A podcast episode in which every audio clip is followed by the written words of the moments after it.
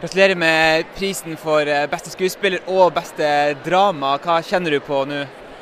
Nå er jeg litt sånn lykkelig og litt rørt og litt, veldig overraska. For jeg håpa vi skulle vinne en pris, men jeg, jeg drømte ikke helt om å vinne to.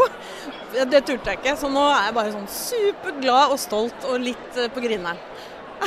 Hva er det som gjør at du eh, kjenner at tårene kommer?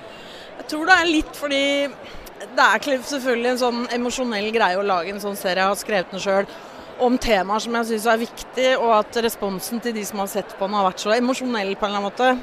Eh, og at folk blir så berørt, og at det liksom er eh, et ålreit TV-program, da. Det, det, blir jeg liksom glad og letta over. Og du er jo i gang med sesong tre. Det blir mer eh, Pernie. Hvor langt har du kommet i det arbeidet? Vi har akkurat spilt inn sesong tre, og så skal den jo klippes, og, ja, så jeg vet ikke helt når den har premiere ennå. Men uh, det, ruller jo og går det her litt nå. Jeg føler jeg har vært med på veldig veldig mye gøy, men det er klart det her er litt spesielt fordi det er på en måte min serie på så mange måter. Eh, så, så, den kommer veldig veldig høyt. Og så har jeg fått jobbe med så fantastiske folk, så jeg er liksom bare så glad for det. Hvor skal du plassere de her to gullrutene?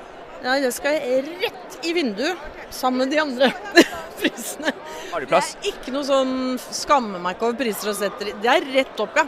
Og det skal synes, og folk skal spørre når de kommer hva, hva er dette for noe? Å, vil du høre?